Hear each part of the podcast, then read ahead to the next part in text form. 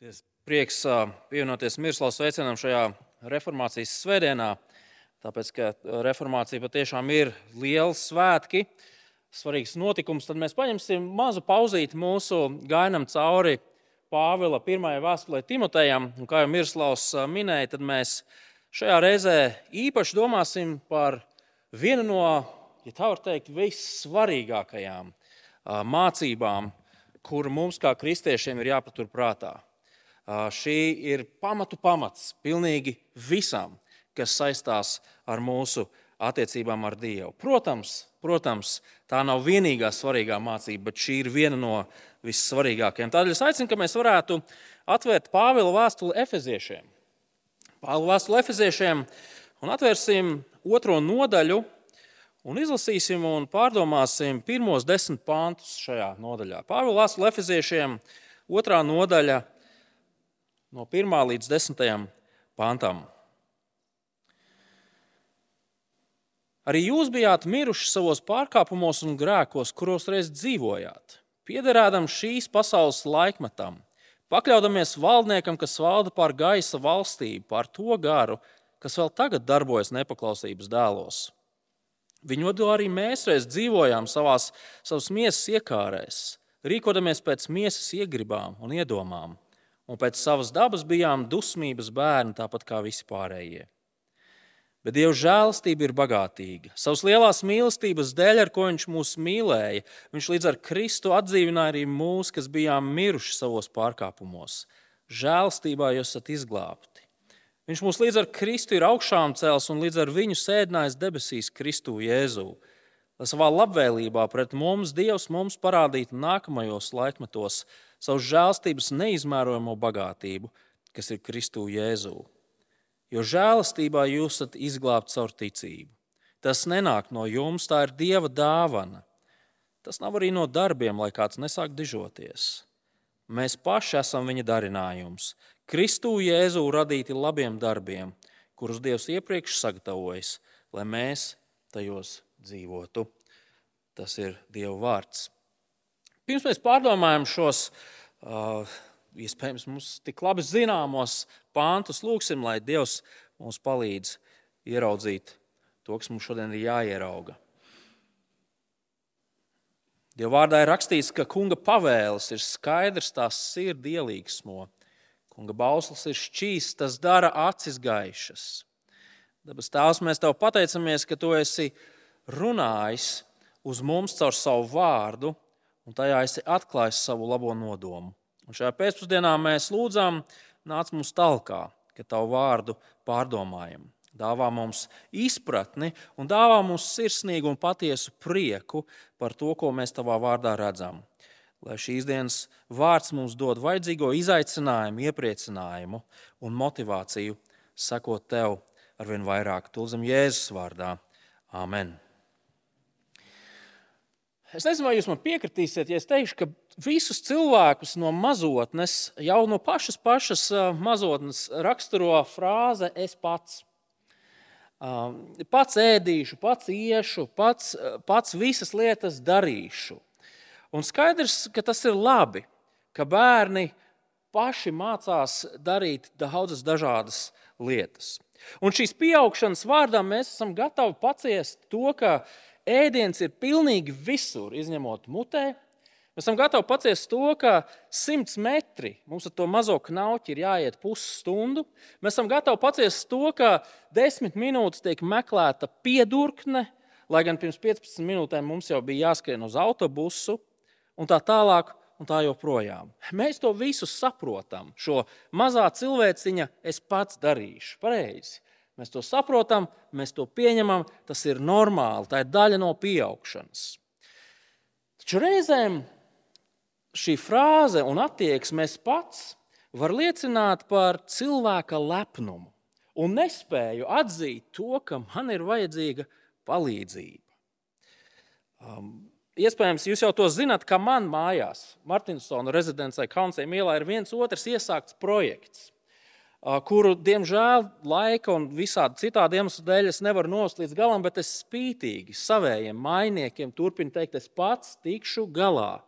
Līdz Ziemassvētkiem tiešām būs. Varbūt nākamā gada, bet būs. Mēs par šīm situācijām, protams, varam pasmieties un pasmaidīt, un tas viss ir forši un jauki. Taču mūsu dzīvē var būt situācijas un jautājumi, kurus smiekli pavisam noteikti nenāks.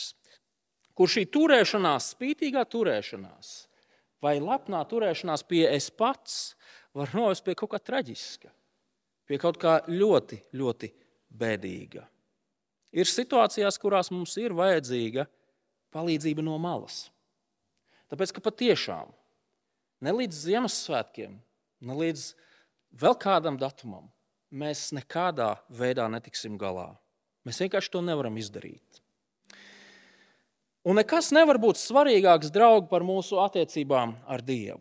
Šīs dienas raksturvieta, kur mēs pirms brīža lasījām, mums atklāja to, ka cilvēks var būt attiecībās ar Dievu. Mēs visi zinām, Pilnīgi visi, un es šeit nedomāju tikai mūsu, kas šeit sēžam, bet cilvēki kā tādi. Pilnīgi visi cilvēki zina, ka ir Dievs. Tādi stingri ateisti nemaz nav. Pilnīgi visi cilvēki zina, ka ir varants, mūžīgs autors. Mēs varbūt nevaram izprast, kas viņš tāds ir. Mēs nevaram definēt, kas viņš tāds ir, bet kaut kam ir jābūt. Radītājs, uzturētājs.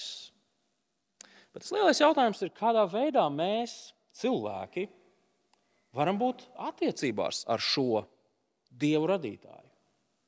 Vai tas vispār ir iespējams?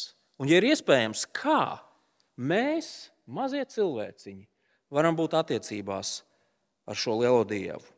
Un Pāvils šajā raksturvietā vēlas, lai mēs skaidri un nepārprotami ieraudzītu to, ka attiecībās ar Dievu es pats nestrādāju. Attiecībās ar Dievu es pats nedarbojos.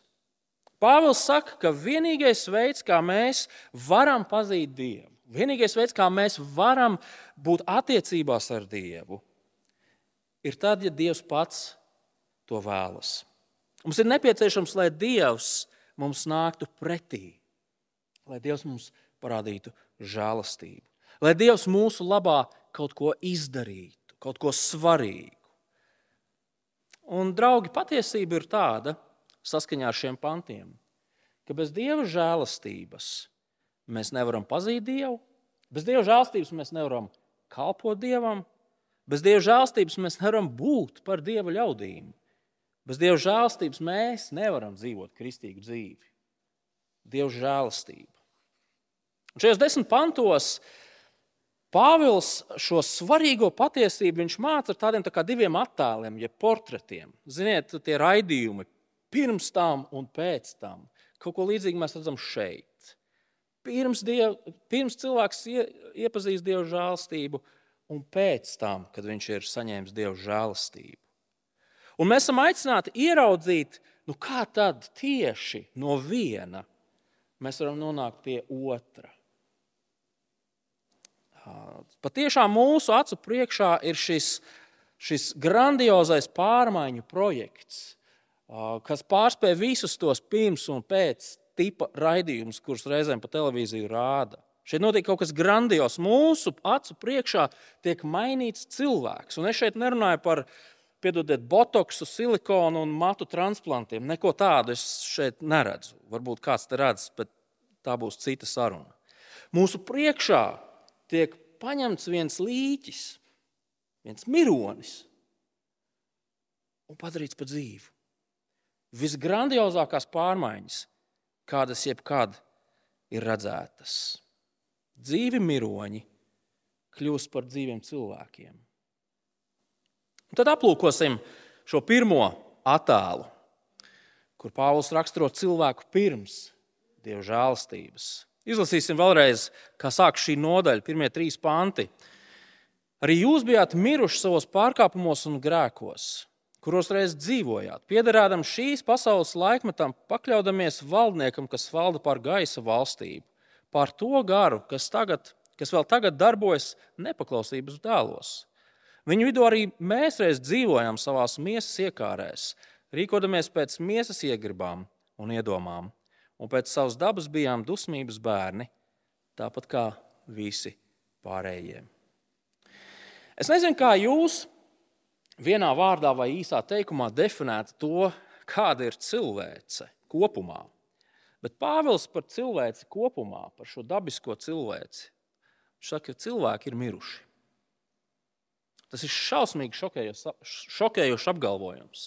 Bet patiesi Pāvils saka, tad, kad mēs raugamies uz cilvēci kopumā, kā tā ir, viņa ir, kā Džordža Romero zombiju filmās, eksistējušās būtnes, staigājoši miroņi. It kā dzīvi, bet patiesībā miruši. Un, protams, ka Pāvils šajā brīdī nedomā fizisko nāvi. Pāvils šeit runā par kaut ko citu. Ieskatieties, jūs bijat miruši savos pārkāpumos un grēkos. Pāvils runā par garīgu nāvi. Pārkāpums ir Dieva noteikto robežu šķērsošana. Dievs ir teicis, nē, tālāk. Un, ja mēs ejam tālāk, mēs pārkāpjam. Savukārt grēks ir cilvēka nevēlēšanās dzīvot saskaņā ar Dieva noteikto. Atcerieties, tā, kad Dievs radīja cilvēku senos laikos, viņš, viņš cilvēku ielika ēdienas dārzā. Ēdienas dārzs bija šī, šī dzīvības un pārpilnības vieta, šī paradīze. Un tajā visā Dievs cilvēkam deva vienu aizliegumu. Un šo aizliegumu pavadīja nopietns brīdinājums. Dievs teica, nē, no laba un ļauna atzīšanas koka. Jo tajā dienā, kad tu no tā ēdīsi, tu mirsi. Dievs kā radītājs, Dievs kā visa uzturētājs, šādi demonstrē to, ka cilvēkam, kurš dzīvo šajā pārticības pasaulē, ir jādzīvo zem Dieva autoritātes. Dievs ir galvenais. Taču mēs zinām, kā stāsts attīstās pareizi. Mēs, mēs atceramies to, ka trešajā nodaļā, pirmā mūzes grāmatā, mēs redzam, ka cilvēkam nepietika ar šo pārpilnību. Cilvēkam nepietika ar to dzīvību un brīvību, ko Dievs viņam bija devis. Cilvēks ļāvās kārdinājumam, ierausties Dieva vietā. Cilvēks teica, es pats, es pats zināšu, es pats zināšu, kas ir labs un ļauns. Dievs man neko nevar aizliegt. Cilvēks nepaklausīja, un pasaulē ienāca grēks. Caur grēku pasaulē ienāca ļaunums, nāve, fiziska nāve, garīga nāve. Un tieši par to šeit runā Pāvils. Cilvēks ir garīgi miris. Attiecībās ar Dievu mēs visi esam miruši, un nav nekas tāds, ko mēs paši varētu izdarīt, lai šīs attiecības salabotu vai kaut nedaudz uzlabotu. Pāvils saka, tas nav cilvēka varā. Miris ir miris. Miris nav pusdzīvs vai gandrīz miris vai pusmiris. Nē, miris ir miris. Piedodiet par tik banālu piemēru, bet mēs neviens nesagaidām to, ka no telefona pakas izpakots vistas cepetis pēkšņi sāks klukstēt un dēt olas. Mēs neviens nesagaidām, ka saldētais lasis pēkšņi sāks jautri uh, tirināt asti. Draugi, pat bērni zina, ka beigts kukainīts, ko tētis ir nospiedis, tīšām vai netīšām, ir beigts kukainīts. Viņš ir pagalām. Mīris ir mīris. Kā tad mēs varam pazīt Dievu? Kā mums var būt attiecības ar Dievu, mirušiem cilvēkiem? Kad runājam par attiecībām ar Dievu, Mums ir svarīgi saprast šo mūsu izējas punktu, šo mūsu sākuma punktu. Tā, tā teikt, lai nav nekādas ilūzijas, lai nav nekādas neparastas, nepareizas domas, nepareizi uzskati, viltus cerības. Tad, kad mēs skatāmies uz savām, savu sākuma pozīciju, attiecībās ar Dievu, ir pavisam čābīgi, ir ļoti drūmi. Patiesība ir vissliktākā iespējamā, jo mēs neko nevaram darīt mūsu attiecībās ar Dievu. Nu, iedomājieties, ka jūs atrodaties uz, uz starta līnijas. Jūs piedalāties savas dzīves vissvarīgākajās sacensībās. Tiek dotas starta, tiek dots starta signāls, bet jūs nekur nekustaties. Jūsu kājas ir pieķēdātas pie milzīgiem betona bluķiem. Jūs pat centimetru nevarat pakustēties. Jūs pat nevarat šķērsot starta līniju. Draugi, cilvēks nav spējīgs ar saviem labajiem darbiem, jebko citu, kārpīties pretī dievam. Reizēm cilvēki runā, ka nu, mūsos jau visos ir kaut kāda tāda, nu, kaut kāda dzirkstelīte, kaut kāds mazs kaut kas, Un šis mazais kaut kas pie noteiktiem apstākļiem uzliesmo, un mēs tā kā knapi, knapi, bet tomēr kustamies Dieva virzienā. Pāvils saka, nav tādas dzirkstelītes. Miris ir miris. Tur nav nekā. Ne dvašas, ne sirdspūksta. Tur nav nekā. Nav dzīvības. Runājot par cilvēka izredzēm pazīt Dievu un būt ar viņu draudzīgās attiecībās, Bībele ļoti skaidri saka, ka dabiskajam cilvēkam nav nekādu izredzu. Kāpēc? Tāpēc, ka cilvēks ir garīgi miris. Tas izklausās drūmi, pareizi. Ja izklausās drūmi, saturieties, jo būs vēl drūmāk. Redziet, tālākajos pantos Tajos pašos pantos, tālāk pa pirmo pantu, Pāvils atklāja to, ka cilvēks, šis mirušais cilvēks, garīgi mirušais, viņš jau nav neitrāls pēc savas dabas. Cilvēki reizēm saka, nu, es neticu Dievam, es vispār nekam neticu, un, un nepin man visā tajā iekšā, man viss ir labi. Bet redziet, tā problēma ir tāda, ka neutralitāte jau nav iespējama. Ja tu netici Dievam, tavā dzīvē būs kaut kas cits, kas valdīs pār tavu dzīvi. Ja tu nesako un nekalpo dievam, tu savā dzīvē kalposi kaut kam citam. Tu vienmēr kaut kam kalposi. Tev vienmēr būs kaut kas augstāks par tevi. Tu nebūsi neitrāls nekad. Un šajos pantos Pāvils piemin divas lietas, kuras var valdīt pār cilvēku, ja cilvēks ir garīgi miris. Skatieties, otrajā pantā. Pāvils saka, kuros reiz dzīvojāt, piedarām šīs pasaules laikmetam, pakļaudamies valdniekam, kas valda pār gaisa valstību, pār to garu, kas vēl tagad darbojas nepaklausības dēlos. Pāvils saka, pirmkārt, kā garīgi miruši cilvēki, mēs kalpojam šīs pasaules valdniekam, kas ir neviens cits kā vēlns. Mēs uzreiz, 21. gadsimta cilvēki, sa, sa, salacamies pie tā, jo mums vienmēr ir licies, ka, nu, ka, ka tie, tie vēlna kalpi tie ir tādi, tādi jaunieši ar gariem matiem, melniem piercingiem, un kaut kur droši vien viņam ir uztetovēts 6, 6, 6 un kaut kas tamlīdzīgs. Viņi klausās skaļu roka mūziku. Taču patiesībā vēlns cilvēku pakļauj daudz viltīgāk. Nejauc ar kaut kādu ārēju piedodiet, māžošanos. Pakļaušanās vēlnam notiek caur to, ka mēs ticam tam, ka mēs paši varam būt kā dievi. Ka mēs paši varam būt savas dzīves noteicēji.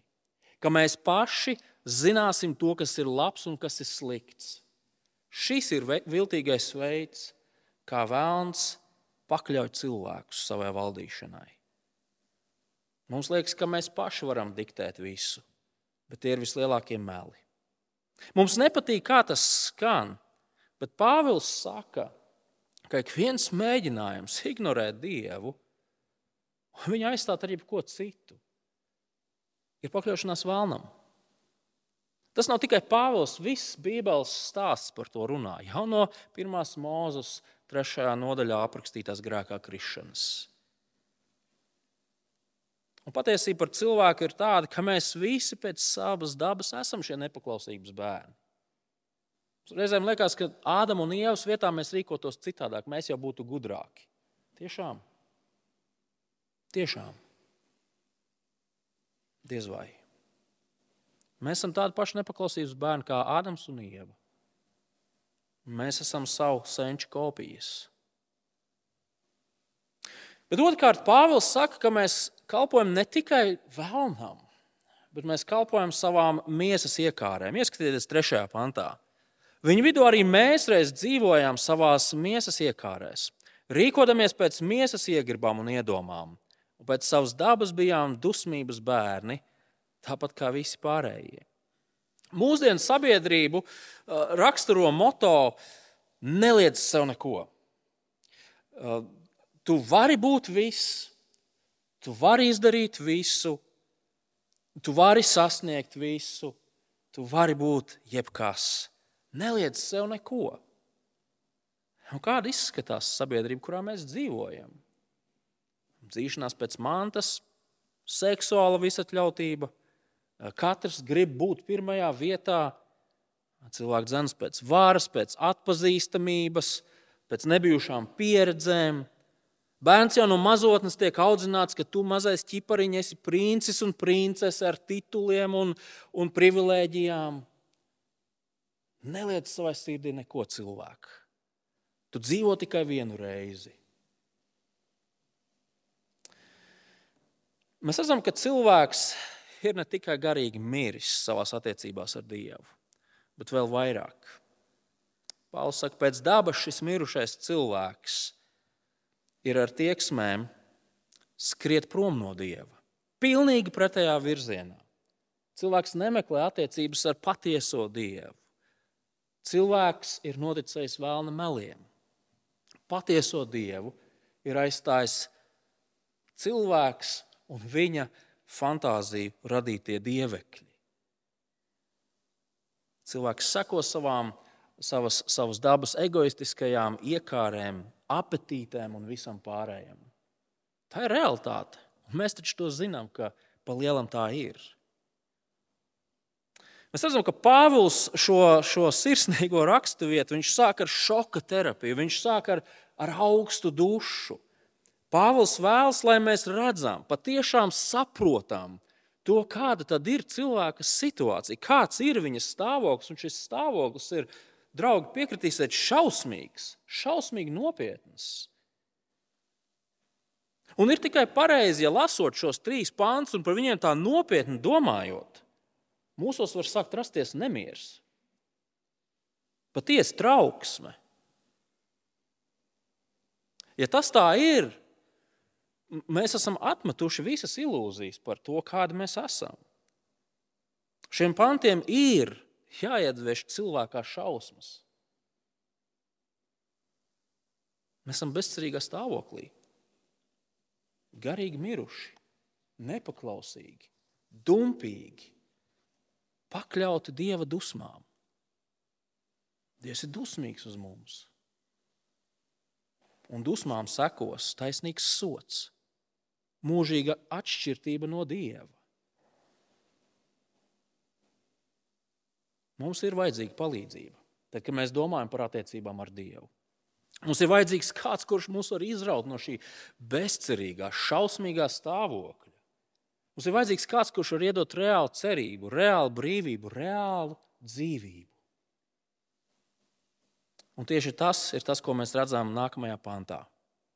Pēc šī melnā cilvēka realitātes apraksta mēs redzam viens no viskaistākajiem vārdiem, kas ir pierakstīti Bībelē. Skatieties, kā sākās 4. pants.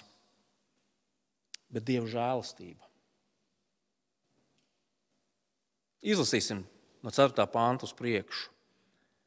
Bet Dieva žēlastība ir bagātīga. Savās lielās mīlestības dēļ, ar ko Viņš mūs mīlēja, Viņš līdz ar Kristu atdzīvināja arī mūs, kas bijām miruši savos pārkāpumos. Žēlastībā jūs esat izglābti. Viņš, viņš mūs līdz ar Kristu ir augšām cēlis un līdz ar viņu sēdinājis debesīs Kristu Jēzu, lai savā labvēlībā pret mums Dievs mums parādītu nākamajos laikmetos savu žēlstības neizmērojamo bagātību, kas ir Kristu Jēzū. Bet Dieva žēlastība. Pāvils saka, ka Dievs mūs izglābi savā žēlastībā. Un, iespējams, mēs jau zinām, ka žēlastība burtiski tulkot nozīmē dāvana.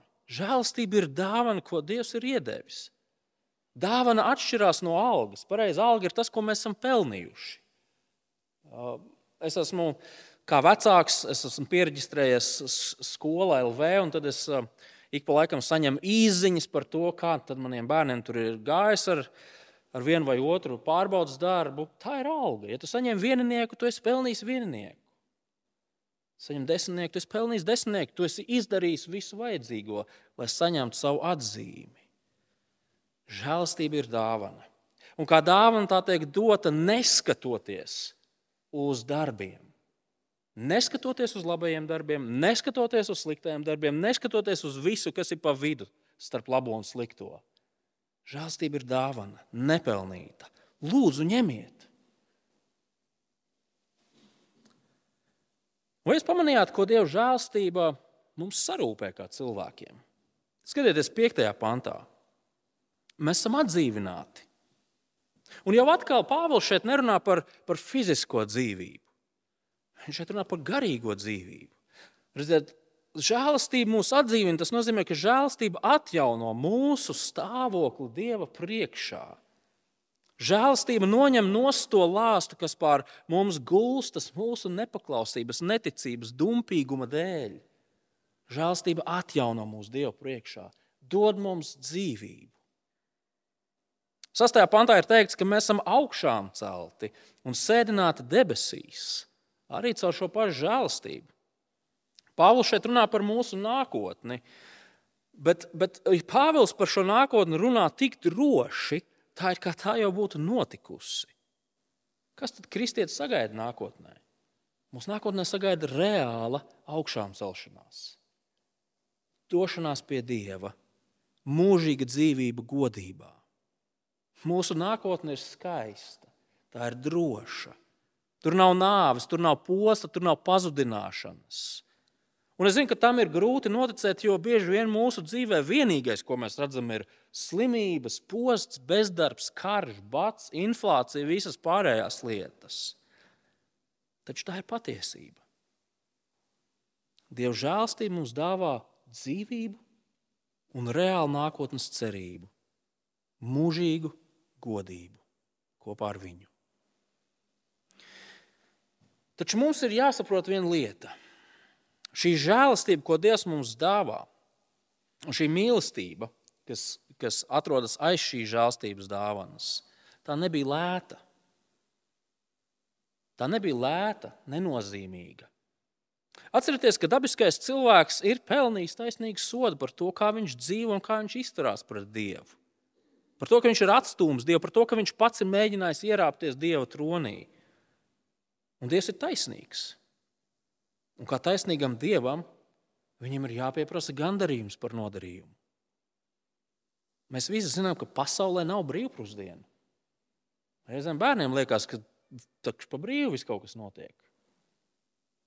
Mēs taču visi zinām, ka tā nav. Tas, ka mums apkurss sezonā piešķir kaut kādu pabalstu, tas jau nenozīmē, ka valsts, valsts mums to uzdāvina. Mēs pēc tam par to maksāsim.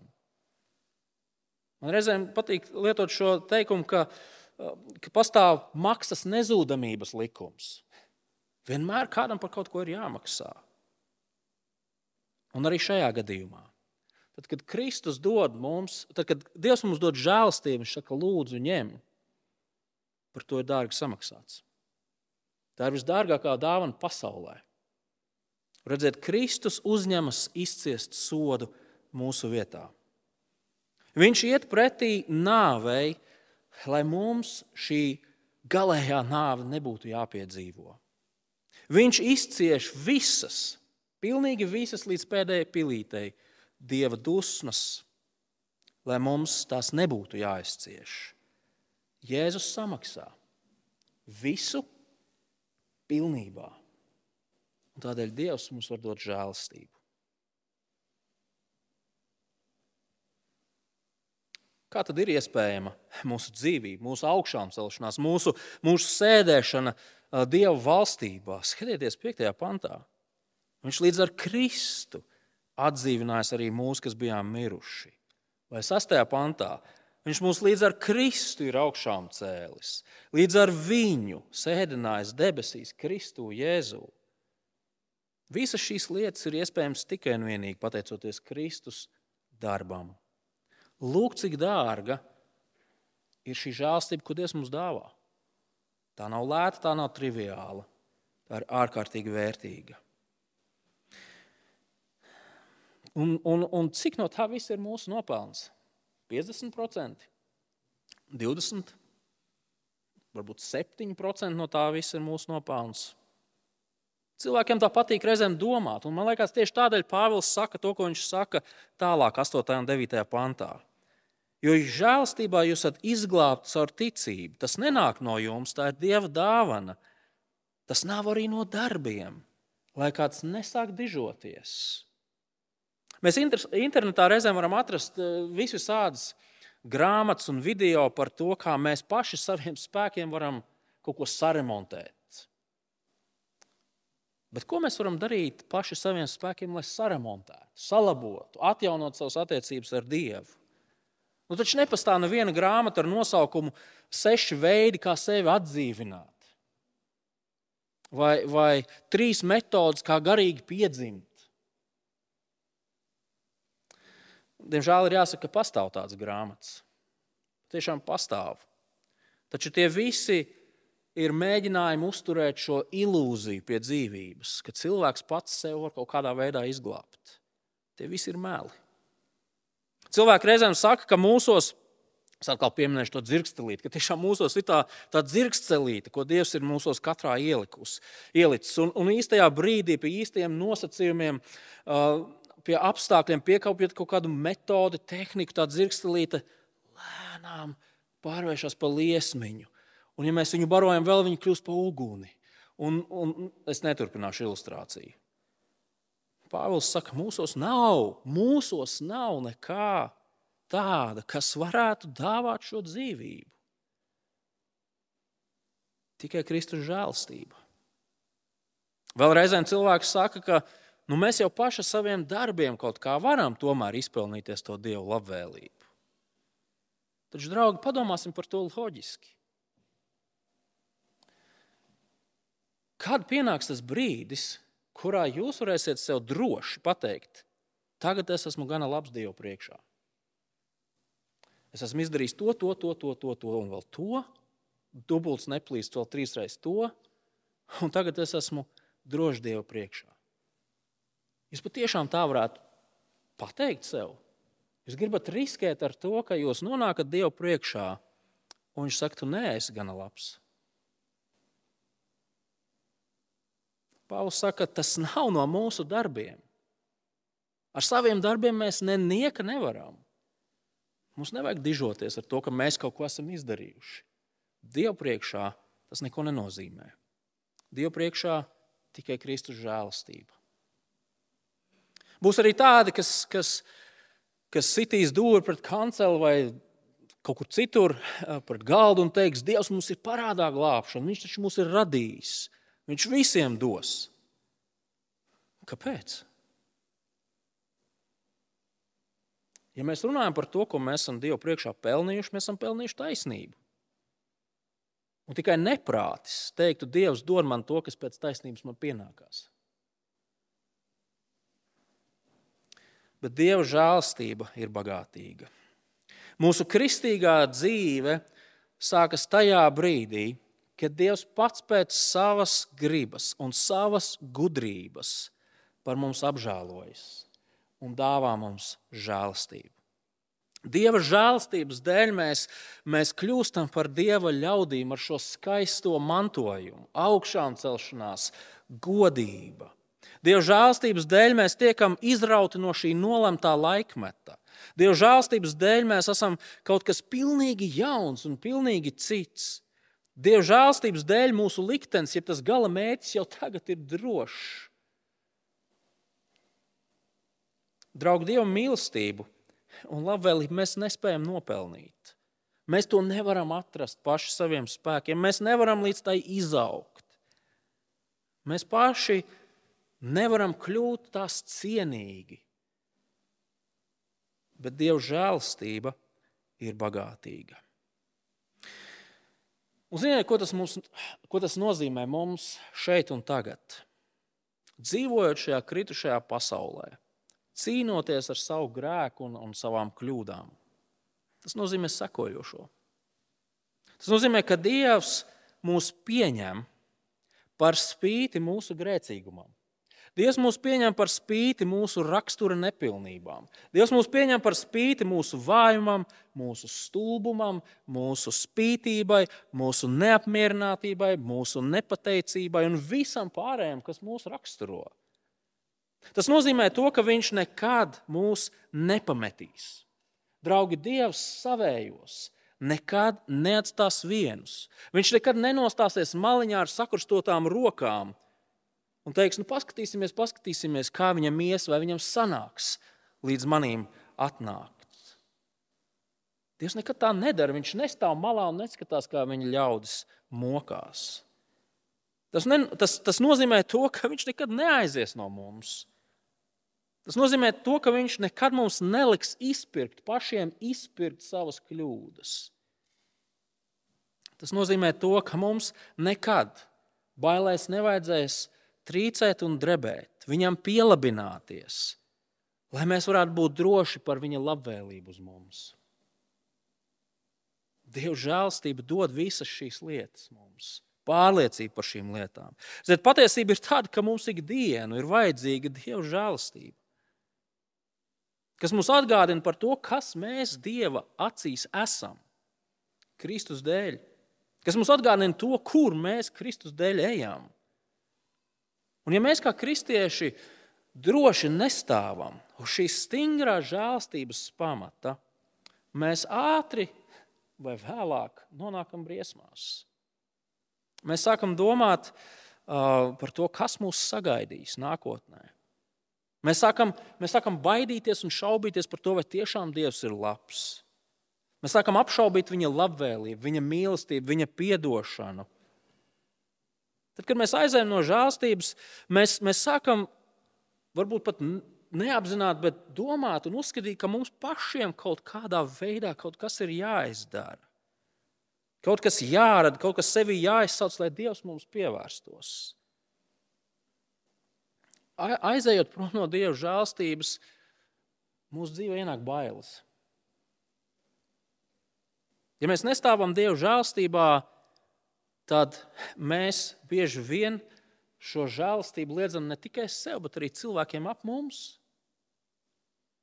Mēs kļūstam par Doniem Kihotiem, kas līdzīgi kā Dons Kihots cīnījās ar veidzirnu, mēs cīnāmies ar šo, šo garīgo vainas apziņas veidzirnavām, kuras nekad nevar uzveikt.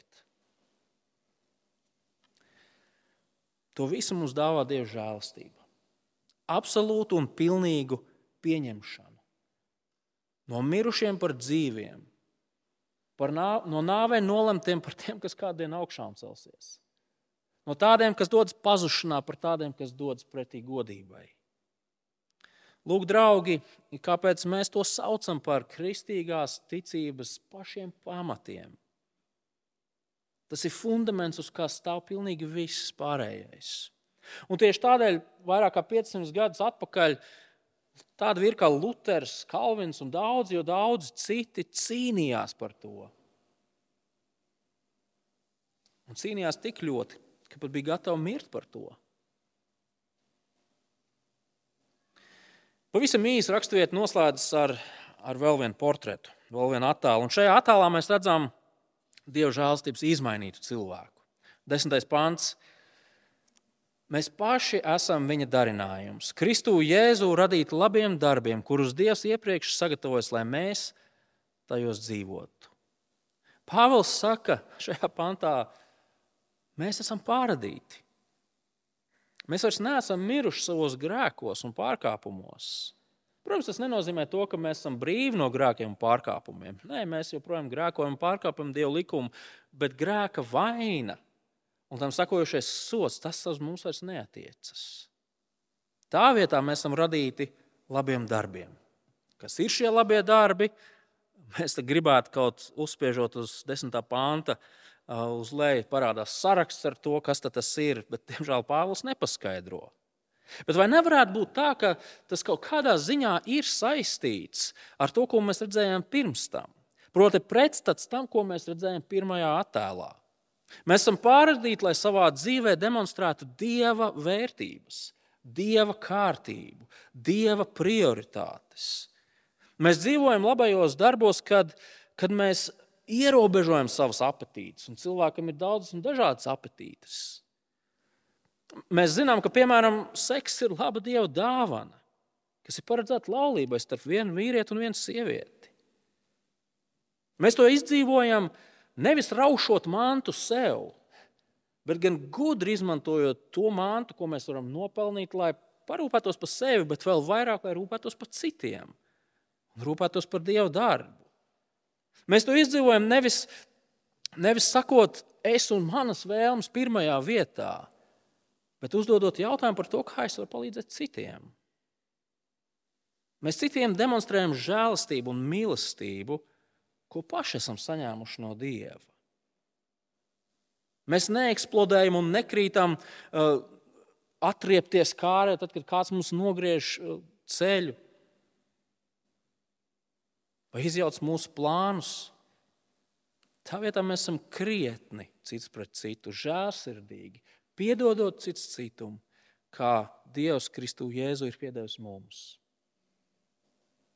Ja jūs gribat kaut ko vairāk uzzināt par šiem krietniem darbiem, droši izlasiet Vēstules efeziešiem 4, 5, 6 nodaļu, kur Pāvils min kādus piemērus, ko nozīmē dzīvot kā Dieva cilvēkam, saskaņā ar Dieva vērtībām, prioritātēm. Tam mēs šobrīd laiku neveltīsim. Draugi, kā tad mēs varam būt attiecībās ar Dievu?